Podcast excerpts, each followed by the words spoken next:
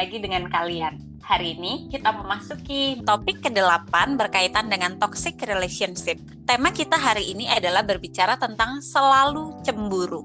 Mereka yang benar-benar mencintai kita dengan cara yang benar akan memberikan kita rasa aman dan sukacita. Kecemburuan kecil tidak apa-apa, tetapi jika cemburu menjadi tema utama hubungan kita, mungkin kita harus pertimbangkan alasannya. Pasangan yang tidak pernah cemburu ketika orang lain mengganggu kita menunjukkan sebenarnya mungkin dia tidak sungguh-sungguh berkomitmen dengan kita. Karena kecemburuan kecil penting untuk ada. Tetapi kecemburuan yang terus-menerus terjadi adalah racun dalam hubungan Alkitab menunjukkan kepada kita bahwa Allah cemburu ketika bangsanya menyembah berhala Allah peduli dan mengasihi umatnya, sehingga ketika bangsa Israel yang dikasihi menyembah berhala, Allah cemas dan khawatir bahwa umatnya akan mengalami kekacauan dan banyak rasa sakit karena jatuh cinta pada cinta yang salah. Kita bisa melihat dalam Hosea 11 ayat 8 dan Yeremia 2 ayat 13.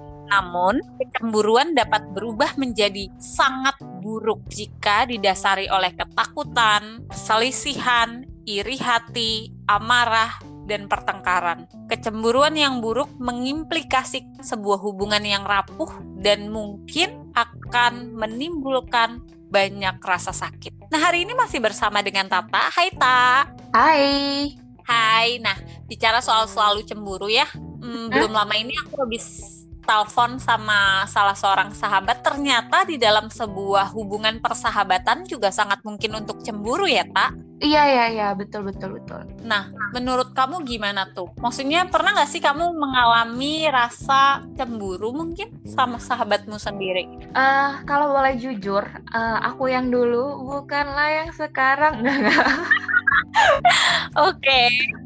Maksudnya aku yang dulu adalah aku yang uh, aku tuh lumayan attach gitu sama sahabat gitu. Kalau aku punya sahabat deket banget, aku tuh pasti akan nempel terus kayak selalu pengen deket-deket gitu. Nah, yang jadi hmm. masalah hmm. adalah waktu sahabat aku punya teman lain gitu. Misalnya ada teman baru, terus ngobrolnya cocok. Nah, itu aku cemburu. Meskipun oh, sahabat aku cewek gitu ya. Maksudnya aku cemburu karena dia ada teman lain yang kelihatannya lebih dekat daripada dia dekat sama aku. Itu aku bisa diri gitu loh. Karena hmm, menurut hmm. aku dia tuh sahabat aku yang paling deket gitu ya, sahabat pertama aku. Tapi kok emang sih aku yang paling deket sama dia, tapi kok aku punya saingan ya?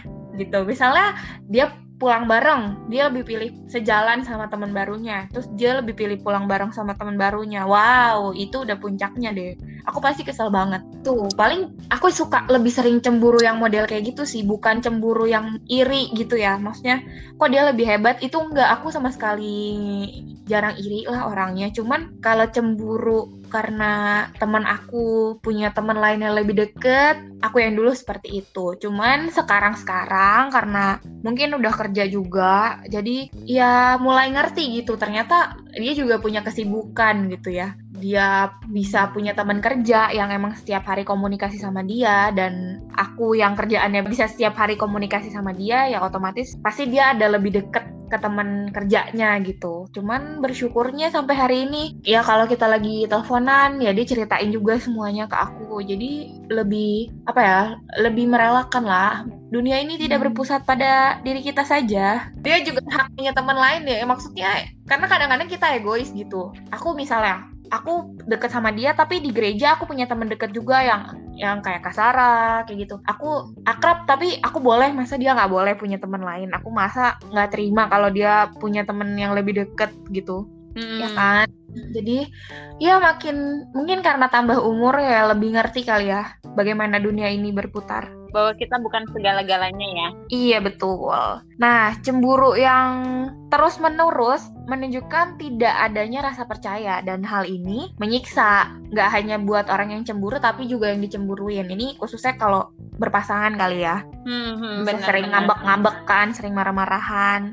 Jadi jangan racuni hubunganmu dengan kecemburuan yang berlebihan, yang sedang-sedang saja. Bangun kepercayaan dalam hubungan buktikan kasih dan kesetiaan. Iya, benar. Buat teman-teman yang berpasangan mungkin uh, juga mengalami struggle dalam hal ini ya, apalagi di awal-awal masa pacaran. Dulu tuh aku awal-awal pacaran tuh cemburuan banget. Mungkin pasangan aku terlupa pada masa itu.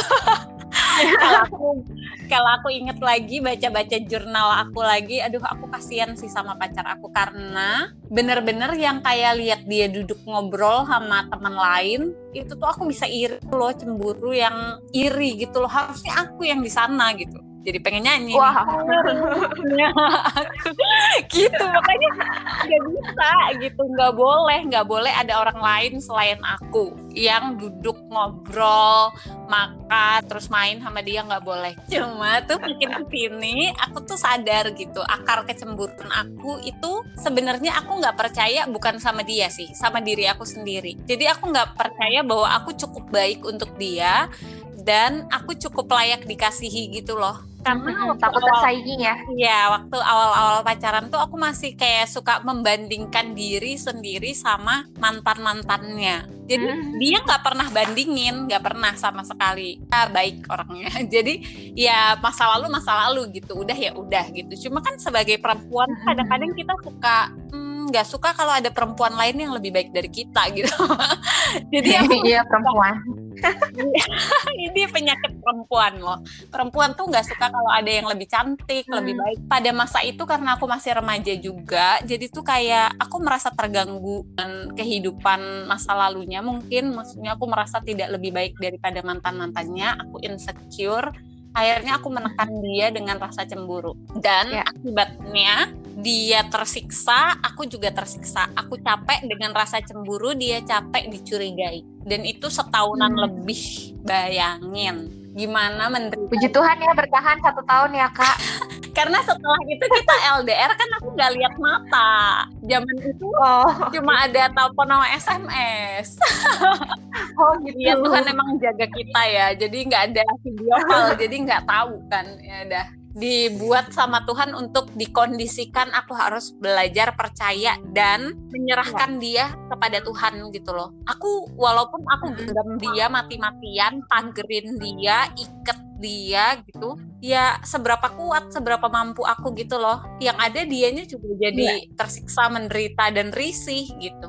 Jadi akhirnya ya. sejak waktu itu karena kita proses LDR cukup lama, aku belajar sih belajar percaya, belajar memperbaiki diri, gambar diri aku. Aku hmm. juga belajar untuk menyerahkan hubungan aku sama Tuhan. Nah ini penting sih buat teman-teman yang pacaran. Gitu. Mau kalian pagerin kayak apa juga pakai pagar kawat listrik ya. Kalau emang dasarnya dia nggak setia ya nggak setia aja. Gitu. Tapi kalau Betul. kita serahkan sama Tuhan, Tuhan akan tunjukkan kok dia layak apa enggak untuk kita, dia baik hmm. atau enggak, dia setia atau enggak. Kita di kesimpulannya kalau kamu mengasihi orang itu, sahabatmu atau pasanganmu, nyatakan kepedulian dan kemarahan dengan tepat. Jadi kemarahan-kemarahan yang tepat bukan dikendalikan oleh emosi sesaat. Sehingga pribadi masing-masing itu dapat saling membangun, mengembangkan hubungan yang sehat bersama-sama. Jangan terus diikat oleh rasa cemburu. Cari akal masalahnya supaya kita bisa sama-sama bertumbuh dan sama-sama jadi berkat. Itu sih untuk episode hari ini. Thank you Ta untuk sharingnya. Thank you. Sampai ketemu. Bye. Bye.